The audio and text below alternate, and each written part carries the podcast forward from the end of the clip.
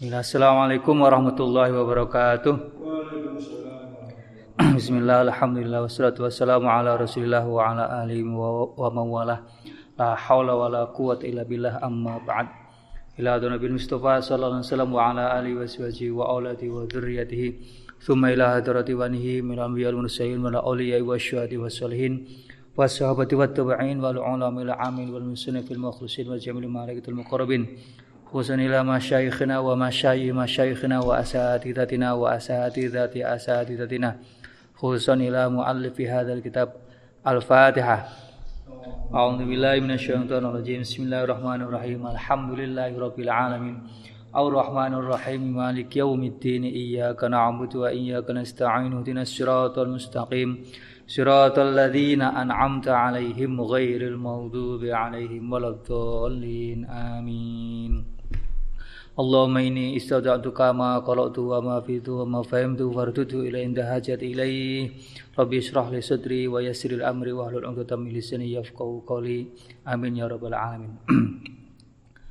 Alhamdulillah kita bisa melanjutkan ngaji kitab Riyadhus Shalihin uh, kita masih di bab babun fil iqtisadi fit taati. Ini hadis yang terakhir ini.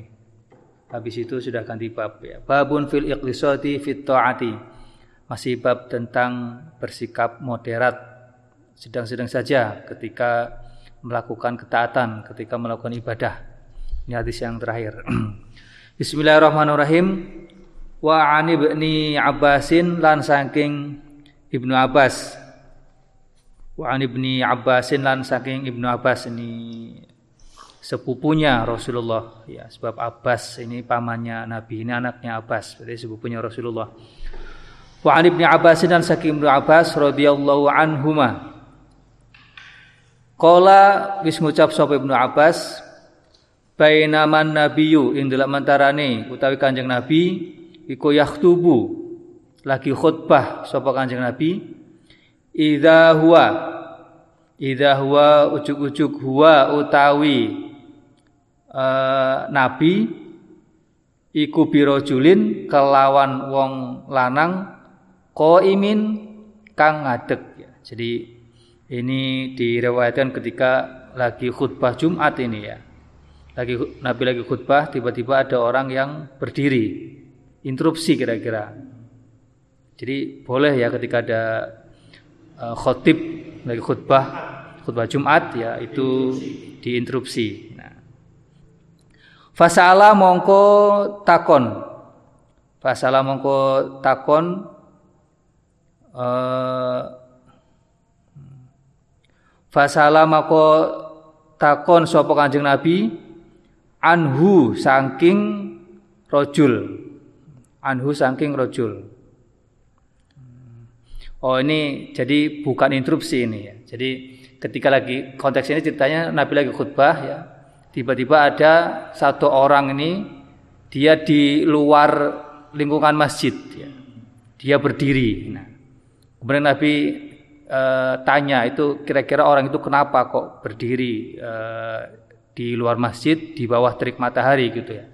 Fakolu mongko jawab sopo wong akeh jamaah ya. Iku Abu Israil Abu Israil. Nah, kemudian Nabi dikasih tahu bahwa tadi orang yang berdiri di luar uh, lingkungan masjid ya. Itu namanya Abu Israil. Abu Israil ini apa julukan ya. Julukan uh, bukan nama lahirnya.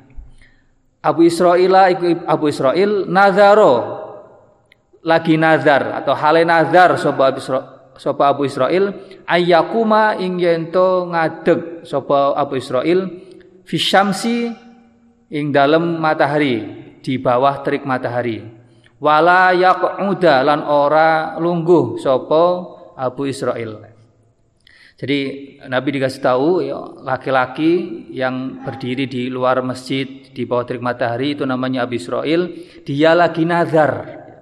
Lagi nazar bahwa dia akan berdiri dan tidak akan duduk ya. Jadi ya nazarnya eh, barangkali dia itu terinspirasi ya dari ibadah-ibadah lain yang mengharuskan berdiri. Kayak sholat kan ada berdiri ya. Ada azan, azan itu harus berdiri. Nah bisa si Abu Israel ini terinspirasi kalau e, sholat aja bisa berdiri, azan aja bisa berdiri, ya maka saya ingin melakukan e, berdiri dalam konteks lain ya, yang dia pikir itu bisa jadi nilai ibadah juga. Kira-kira seperti itu. Nadharu ayyakuma fi syamsi wala yaq'uda. E, memilih hal yang lebih ekstrim kira-kira. Ya. Wala yastawilla lan orang golek iup-iupan. Jadi benar-benar di langsung kena terpapar matahari ya, enggak enggak di bawah pohon, enggak di bawah bangunan apa pun ya. Jadi langsung kena terpapar sinar matahari. Wala yatakallama walaya stadilan ora gore iup-iupan walaya takallama lan ora ngomong sopo Abu Israel wayasuma lan poso sopo Abu Israel nah ini. Jadi ada seseorang ya, dia nazar. Nazarnya ini uh, ekstrim ini ya. Jadi berdiri di uh, di luar ya di lap, di ya lapangan lah kira-kira ya. Di luar masjid uh, menghadap matahari, terkena paparan langsung sinar matahari, nggak ngomong, nggak makan. Di sini puasa, berarti puasa secara syariat ya, bukan bukan makan tanpa ada tujuan, tapi memang uh, diniatkan puasa. Ya. Fakola mongko ngucap sapa Kanjeng Nabi. Muru merentaho sira kabeh hu ing Abu Israil fal yatakallam supaya ngomong sapa Abu Israil wal yastadilla lan golek iup-iupan sapa Abu Israil wal yaqud lan lungguh sapa Abu Israil. Wala wal yutima lan becik nyempurnaake ngelanjutake sapa Abu Israil saumahu ing posone Abu Israil. Ya.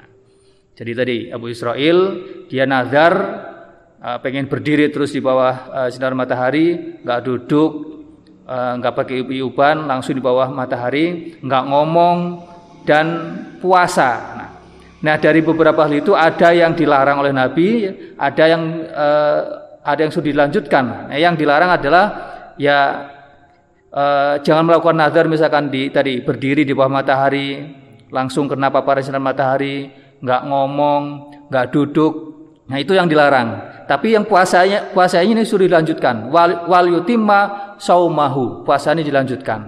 Nah, ini artinya apa? Jadi ketika kita melakukan amalan-amalan gitu ya, yang kita pikir itu bernilai ibadah tapi tidak ada tuntunya dari Nabi, maka itu e, tidak boleh ya. E, jangan dilakukan tadi itu ya. Kan nggak ada itu aturan dalam Islam e, nazar berdiri di bawah matahari. Jadi kalau nazar itu ya dengan sesuatu yang bernilai ibadah gitu ya.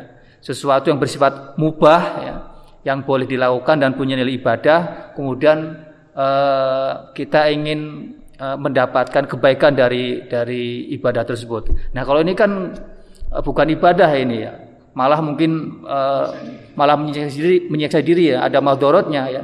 Terkena paparan sinar matahari, nggak ngomong ya nggak duduk ya itu kan akan berisiko ya berdiri di bawah matahari langsung uh, ya mungkin tentu saja bisa capek kalau berdiri terus nggak duduk nggak ngomong padahal bisa jadi dia punya keluarga yang mungkin butuh komunikasi dan sebagainya nah, nah itu selain merugikan diri sendiri ya juga bisa merugikan orang lain yang uh, berkaitan dengan dirinya nah kalau nazar seperti itu ya tentu bukan bagian dari uh, yang diajarkan oleh Islam.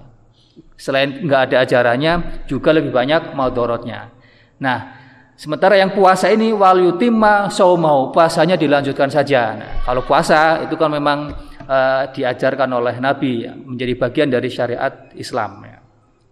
Jadi itu, jadi uh, melakukan nazar uh, itu baiknya ya dengan hal-hal yang bersifat ibadah ya, uh, minimal yang yang mubah, lebih baik yang sunnah lagi itu ya. Muru fal yatakalam wal yastadillah wal yaqut wal yutimma saumahu gitu. Iya, jadi ini ceritanya ya ketika uh, lagi khutbah ya, Nabi lagi khutbah ya. Uh, kenapa kok dia milih nazarnya itu berdiri misalkan, bukan nazar duduk terus-menerus ya. Nah, di, diriwayatkan bahwa uh, dia juga punya masih punya nilai ya. Kenapa dia berdiri? Karena uh, ingin menghormati khutbah Nabi. Jadi dia ingin ingin menyimak khutbah Nabi ya. Dia berdiri nggak ngomong uh, ya hal seperti itulah ya.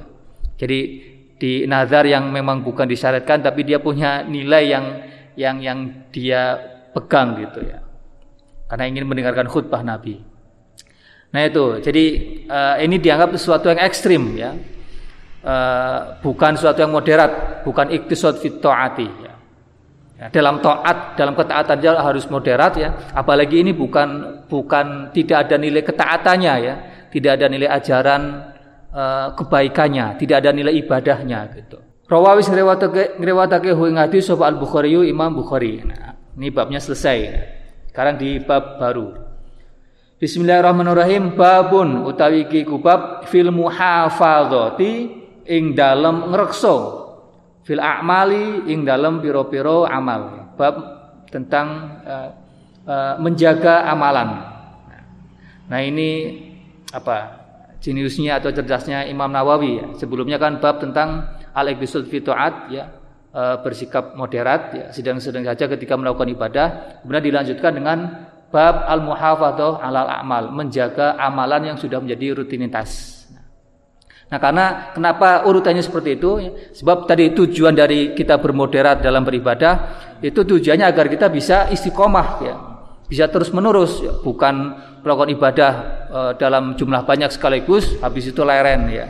E, enggak enggak dilanjutkan, enggak istiqomah. Nah, tapi ini e, penyusunan bab ini memang sudah dipikirkan matang-matang sebelumnya bab sedang-sedang saja dalam beribadah karena tujuannya adalah agar bisa mu, bisa muhafadzah ala amal, bisa amalan ini bisa lestari, bisa dilanjutkan secara terus-menerus gitu.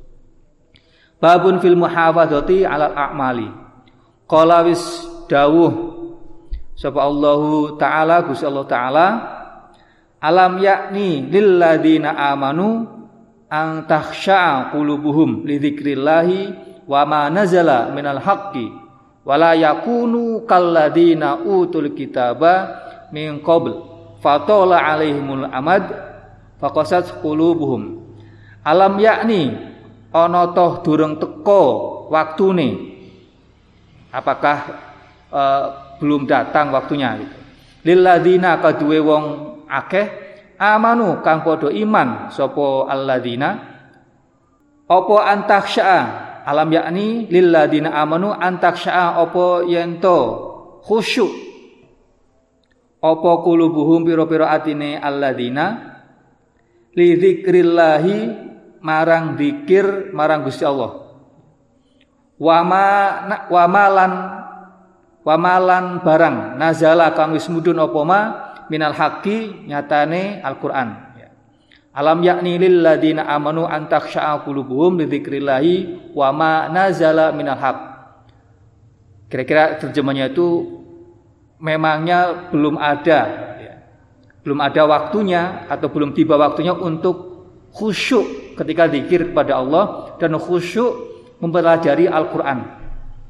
Tuh. Jadi ini eh, konteksnya itu eh, atau asbabun nuzulnya itu terkait dengan para sahabat yang banyak guyon, ya, banyak guyon gitu. Uh, mungkin banyak bercanda uh, kumpul nongkrong-nongkrong kemudian guyon ya. kemudian ditegur oleh ayat ini alam yakni lil ladina amanu antaksha'a wa kira-kira ketika lagi ngobrol itu ya di, diingatkan kalian kok masih bercanda aja memangnya belum ada ayat yang apa memangnya belum ada Al-Qur'an yang yang turun gitu yang yang mungkin bisa bermanfaat untuk dikaji. Memangnya belum ada uh, anjuran untuk khusyuk ketika berzikir kepada Allah. Kok sampai kalian lebih memilih guyonan? Kira-kira seperti itu ya. Artinya sudah ada perintah atau anjuran untuk berbuat baik ya, untuk meningkatkan kebaikan tapi kok milih guyonan. Nah, kira-kira terjemahnya kurang lebih seperti itu wala lan ora ono sapa ladina iku kaladina koyok wong wong akeh utu kang den paringi kang yang diberi sapa alladzina alkitab ing kitab min qablu saking sadurunge maksudnya ini uh, ahlul kitab itu Yahudi dan Nasrani. Jadi tadi yang pertama teguran agar uh, bisa khusyuk ketika berzikir dan membelajar Al-Qur'an. Yang kedua tegurannya adalah jangan seperti uh, ahlul kitab, jangan seperti Yahudi dan Nasrani sebelumnya. Fatola mongko wis dawa alaihim ing atase alladina apa alam apa ala amadu mongso fakosat mongko dadi atos apa kulubuhum piro-piro atine alladina jadi teguran yang kedua kedua ya kenapa tadi uh, jangan banyak guyon gitu ya. Padahal sudah ada Al-Qur'an yang turun padahal sudah ada perintah untuk uh, khusyuk ketika berzikir. Kenapa kok ada uh, ada larangan seperti itu? Sebab ada contoh sebelumnya ya bahwa orang-orang Yahudi dan Nasrani itu ya ketika sudah ada apa namanya mereka sudah ada nabi yang memberikan ajaran, sudah ada ajaran-ajaran uh, seiring dengan perjalanan waktu ya, mereka melupakan ajaran itu ya. Ajaran yang disampaikan oleh nabi sehingga fakosat kulubuhum sampai hati mereka menjadi keras ya. Tidak bisa lagi menerima ajaran-ajaran yang yang diturunkan kepada mereka. Mereka nggak bisa lagi menikmati zikir. Nah, nah kemudian uh, itu menjadi contoh ya untuk para sahabat yang tadi yang banyak banyak guyon itu. Kalian itu jangan banyak guyon ya, sebab sudah ada Al-Qur'an, sudah ada perintah zikir. Kalau kalian banyak guyon, nanti kalian bisa bisa keras hati ya, sehingga tidak bisa lagi menikmati Al-Qur'an yang sudah diturunkan. Tidak bisa lagi menikmati zikir yang sudah diajarkan. Nah, kurang lebih maknanya seperti itu. Artinya adalah ketika sudah ada perintah untuk zikir, sudah ada Al-Qur'an yang diturunkan, ya sudah ya. Uh, itu terus diajarkan, terus dipelajari. Lebih banyak belajarnya daripada guyonnya. Ya mungkin guyon boleh saja ya, tapi jangan sampai itu membuat kita lalai terhadap uh, Al-Qur'an atau ajaran-ajaran yang sudah di, diajarkan, sudah disampaikan. Kurang, kurang lebih seperti itu ya. Al muhafadzatu ala akmal ya menjaga amalan-amalan ibadah-ibadah yang sudah ya sudah diajarkan yang sudah diistiqomahkan dan sebagainya ya. jangan sampai dilalaikan oleh dari guyonan-guyonan atau hal-hal lain yang mungkin bersifat duniawi waqala wis ngucap wis dawuh sapa Allah taala Gusti Allah taala. Waqafaina lan wis nyusulake sapa gitu bi Isa kelawan Isa bin Isa bin Maryam kelawan Isa bin Maryam. Wa ataina lan maringi sapa kita hu ing Isa bin Maryam al injila ing kitab Injil. Wa ja'alna lan dadiake sapa kita fi qulubil fi qulubil ladina ing dalam pira-pira atine pira-pira wong akeh ittaba'u kang kang melu ngikuti sapa alladzina hu, hu ing Isa bin Maryam rofatan Rofatan ing santun. Ya. Itu artinya santun, baik hati. Ya. Warohmatan lan rahmat kasih sayang. Wakofaina dan kami susulkan kepada Isa bin Maryam itu ya. Dan kami beri Injil.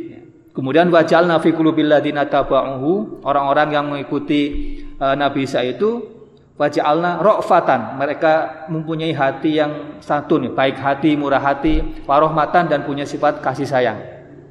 Warohbaniyatan Warohbaniyatan lan ing Rohbaniyah. Rohbaniyah itu uh, Rohib ya Rohib itu Jadi pada masa Bani Israel ya Termasuk pada masa Nabi Isa ini ada namanya Rahib. Rahib, rahib itu ya, dalam dalam kisah-kisah Israel sering diceritakan orang yang uh, misalkan dia memilih nggak punya pasangan ya. Kemudian uh, bikin tempat ibadah sendiri dan dia khusyuk ibadah di di situ ya. Jadi uh, memilih untuk beribadah dan meninggalkan urusan duniawi terutama pasangan nih baik laki-laki maupun perempuan ya. Milih milih nggak berpasangan dan memilih untuk beribadah kepada Allah. Itu namanya rohib. Nah perilakunya namanya rohbaniyah gitu ya jadi memilih untuk tidak punya pasangan dan e, lebih mementingkan ibadah di ruangan khusus. Jadi kalau dalam riwayat-riwayat itu ya rohbani biasanya membuat tempat ibadah khusus itu ya. Nah ini warohbaniyatan ibtada'uha kang agawe gawe-gawe sopo aladina ha ing rohbaniyah tadi itu. Ma katabna ora majibake sapa kita ingsun Allah ha ing rohbaniyah alaihim ing atase eh, tadi pengikut ya alladzina tabauhu ya. Nah, jadi eh, para pengikut Nabi Isa ini ya, mempunyai tadi hati yang santun, murah hati ya dan jiwa kasih sayang. Tapi di sisi lain ya karena mungkin semangat ibadah yang tinggi ya, punya eh, hasrat untuk beribadah, mereka sampai bersikap rohbaniyah. Mereka memilih nggak punya pasangan dan hidup menyendiri di ruang ibadah tertentu ya. Ibtada'uha. Padahal itu bukan bukan ajaran yang khusus ya. Bukan ajaran yang memang memang disampaikan ya. Mereka inisiatif mereka sendiri saja itu ya. Mereka nggak punya pasangan, lebih mementingkan uh, ibadah dengan Tuhan gitu ya. Makatabna, makatabnaha, tidak kami wajibkan ya, bukan diwajibkan itu ya. Jadi memilih untuk tidak punya pasangan memang memang boleh gitu ya. Kalau memang e, keadaan atau pilihannya menurut seperti itu ya.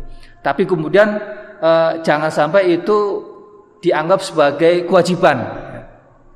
bahwa itu yang terbaik ya.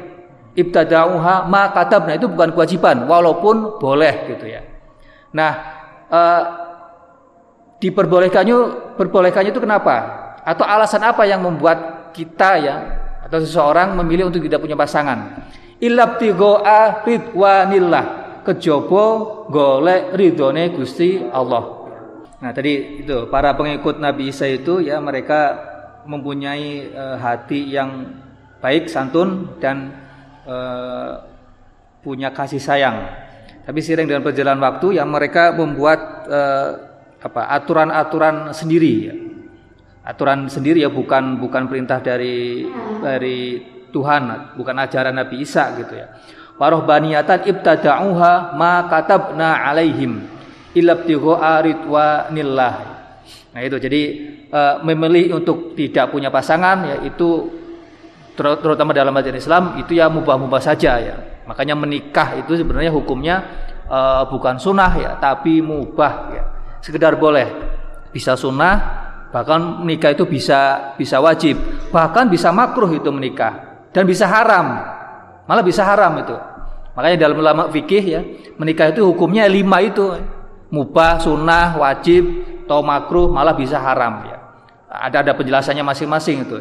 Tapi yang jelas prinsipnya itu ya menikah itu hukumnya mubah. Nah, contohnya Imam Nawawi sendiri yang menulis kitab ini ya kan gak menikah tuh ya nggak menikah. Nah kita bisa memilih atau mungkin karena keadaan tertentu ya kita nggak menikah, tapi dengan catatan ya lakukan itu illabtigoa ridwanillah. Lakukan itu karena e, mencari ridho Allah ya, mencari ridho Allah. Ya. Illabtigoa ridwanillah. Ya. Famaro auha, famaro au mongko orang rekso sopo alladzina tabauhu ha ing mardotillah haqqo riayatiha kelawan sak bener-benere ngrekso marang uh, mardotilah. Nah itu ya. Jadi uh, ini kisahnya kisah panjang yang kemudian diringkes ini ya. Jadi seiring dengan perjalanan waktu ketika Nabi Isa sudah meninggal gitu ya. Uh, orang-orang para pengikut Nabi Isa ini memilih bersikap rohbaniyah gitu, enggak menikah dan memilih beribadah. Nah mereka juga fama ro'auha haqqori ayatiha. Mereka tidak menjaga ajaran Nabi Isa ya. Jangan karena mereka lebih memilih uh, mengikuti ajaran-ajaran yang berlaku di masyarakat ya. Ajaran-ajaran uh, tradisional misalkan. Ajaran-ajaran yang berkembang di masyarakat bukan agama samawi lah. Nah, itu dengan apa sering dan perjalanan waktu seperti itu ya Ayat berikutnya wa qala lan wis dawuh sapa Allah taala Gusti Allah taala wala takunu lan ojo lan ojo ono sira kabeh. Iku kalati kaya wong wadon nakodot kang ngudari yang mengurai. Ghus kamu dari sapa allati ghuslaha ing tenunane. Tenunane allati min ba'di kuwatin ing saking sakwise kuat angkasa angkasan hale udar-udaran wala takunu kallati naqadat ghuslaha mimba di kuwatin angkata.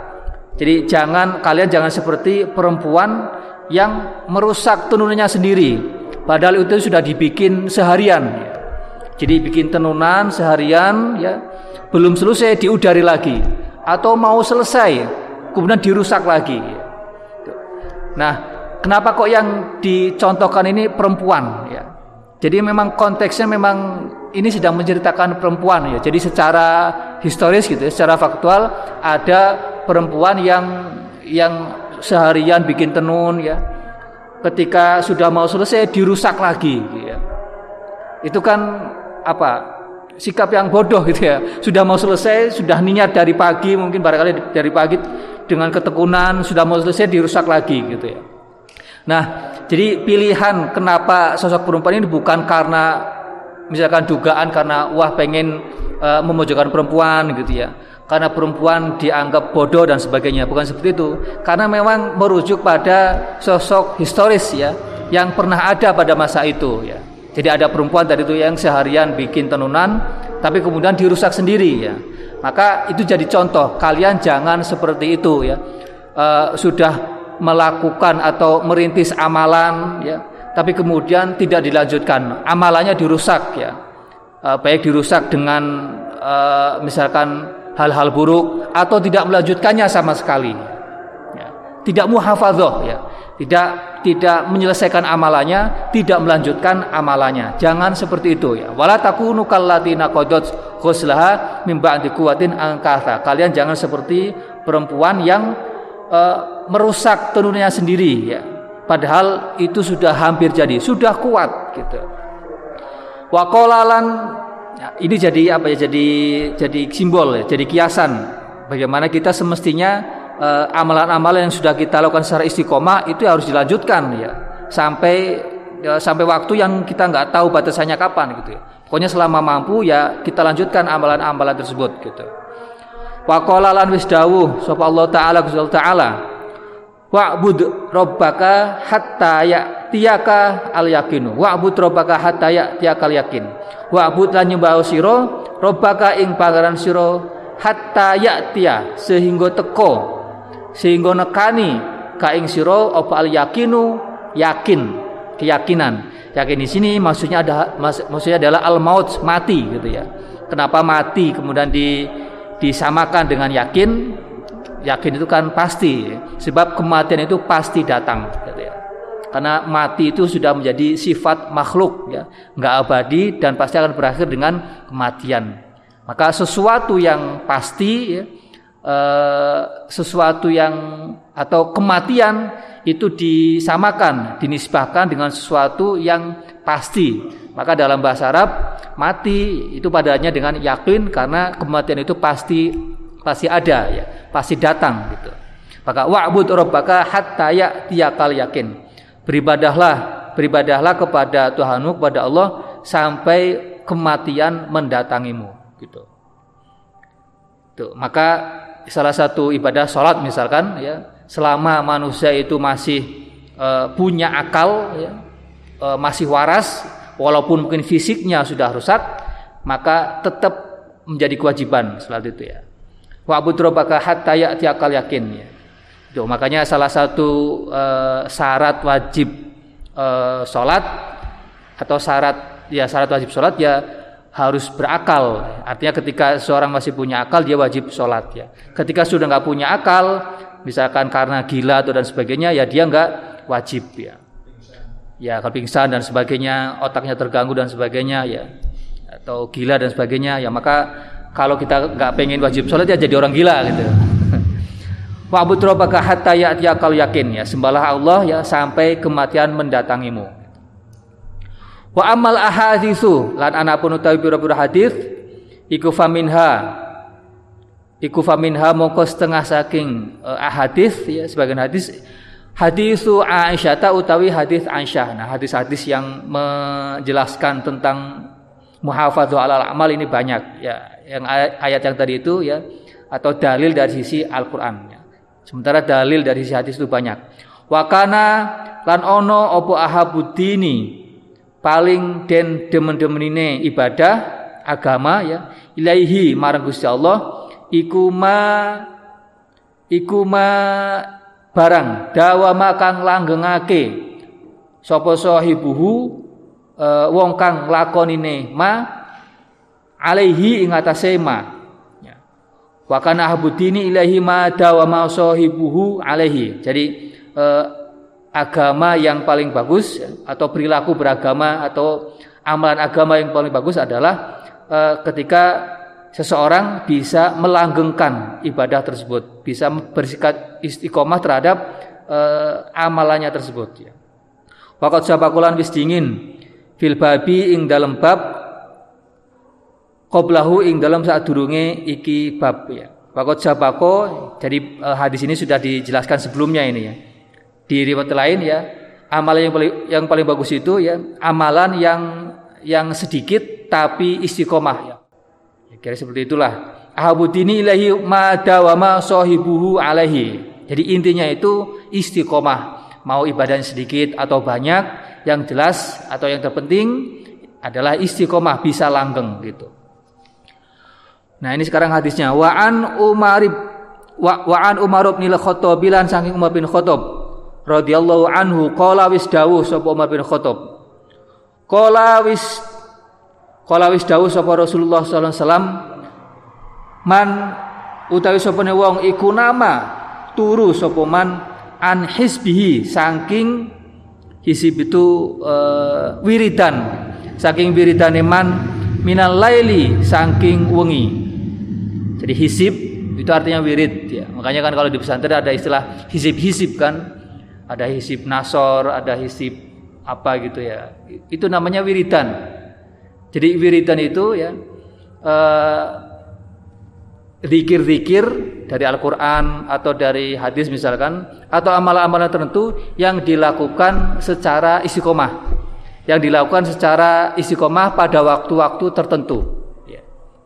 Misalkan kita punya wiridan tertentu ya uh, yang kita baca sebelum sholat, eh sebelum tidur atau setelah tidur atau bahkan ketika lagi dalam perjalanan kita istiqomah wirid tertentu maka itu namanya hisib atau wirid gitu. Gitu.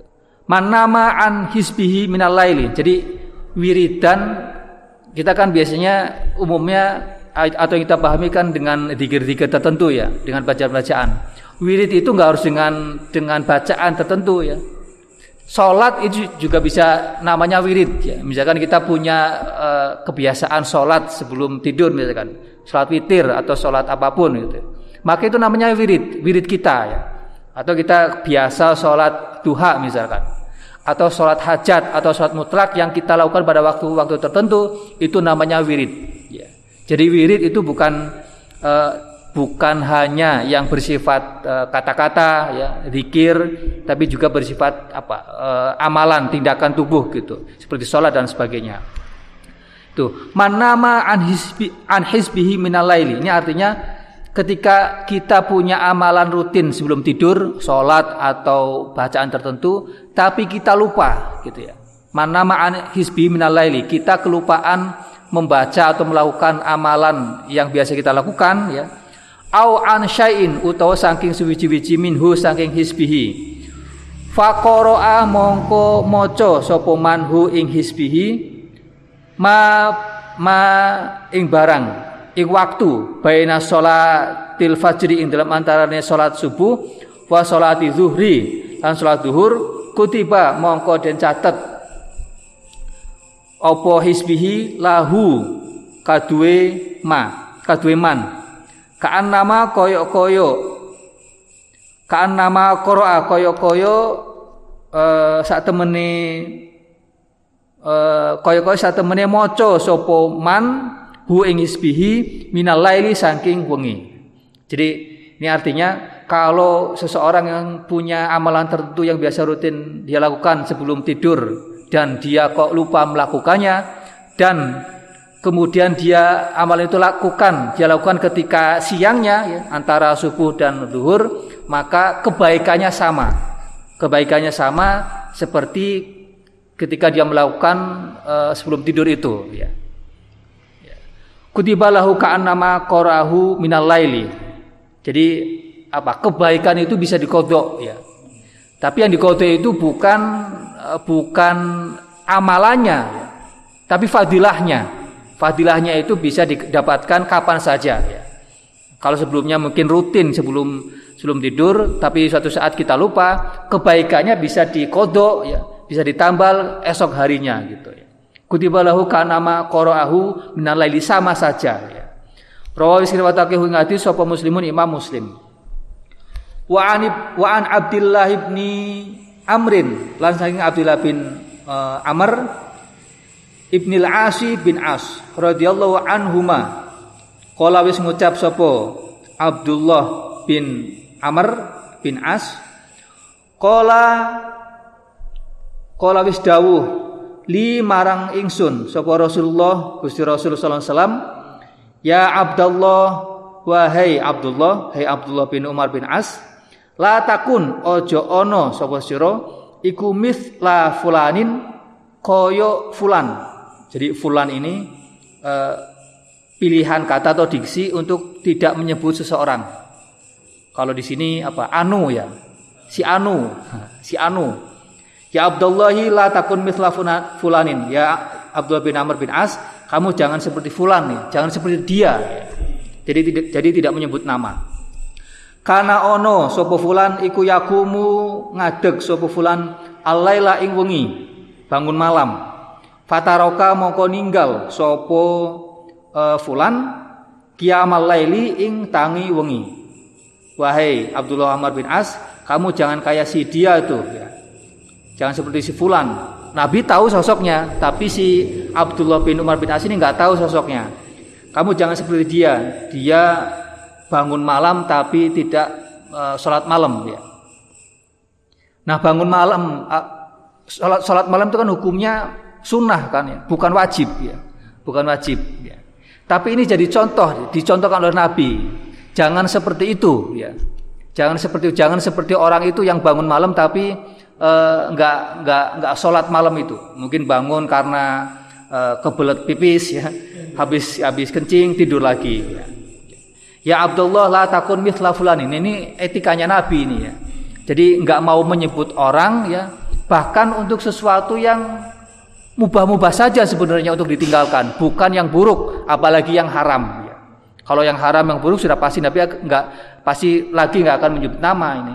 Padahal si fulan ini sekedar tidak sholat malam yang mungkin hukumnya sunnah saja dia. Itu pun Nabi tetap nggak mau menyebut nama ya, karena ingin menjaga kehormatan ya, harga dirinya eh, agar tidak di di apa dirasani, tidak di, tidak diomongin buruk oleh orang lain gitu ya. Padahal yang dilakukan itu e, sesuatu yang mubah saja ya. Sekedar nggak sholat malam itu sudah menjadi contoh e, e, contoh buruk lah kira-kira untuk tidak ditiru gitu ya. Maka Nabi seperti itu tidak mau e, menyebut menyebut nama ya. Ya. Sebab e, apa? Sesuatu atau aib yang sudah dijaga oleh Allah ya, kita tidak berhak menceritakannya ya. Wong Allah saja tidak menceritakan, tidak me, apa, mengumbar aib orang itu, ya maka apalagi misalkan Nabi, apalagi kita gitu ya. Itu. Maka eh, aib yang sudah ditutup oleh Allah termasuk kepada kita ya jangan kita ceritakan lagi kepada orang ya. Jangan kita banggakan apalagi seperti itu ya. Itu kalau dalam hadis itu namanya eh, al-mujahir. Mujahir itu secara artinya orang yang orang yang menyaringkan, orang yang menceritakan. Jadi mujahri itu orang yang ketika malam ya dalam itu diceritakan ketika pada malam hari dia melakukan maksiat ya siang harinya dia cerita-cerita kepada orang lain semalam saya gini gini gini gini dan sebagainya itu namanya mujahir padahal sebelum dia cerita Allah sudah nutup aibnya itu ya berharap dia masih mau bertobat ya jadi dibiarkan orang lain nggak tahu aibnya tapi kok dia malah menceritakan sendiri uh, aibnya kepada orang lain. Nah, mujahir seperti itu uh, dia punya keinginan tobat aja tidak ya, ya.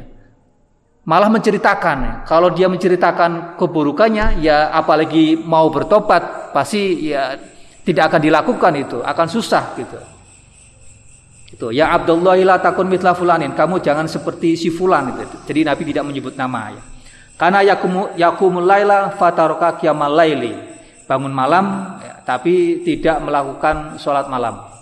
Muttafaqun alaihi. Wa an Aisyah talan saking Aisyah radhiya mugu-mugu panrido sapa Allah Gusti Allah anha saking Aisyah.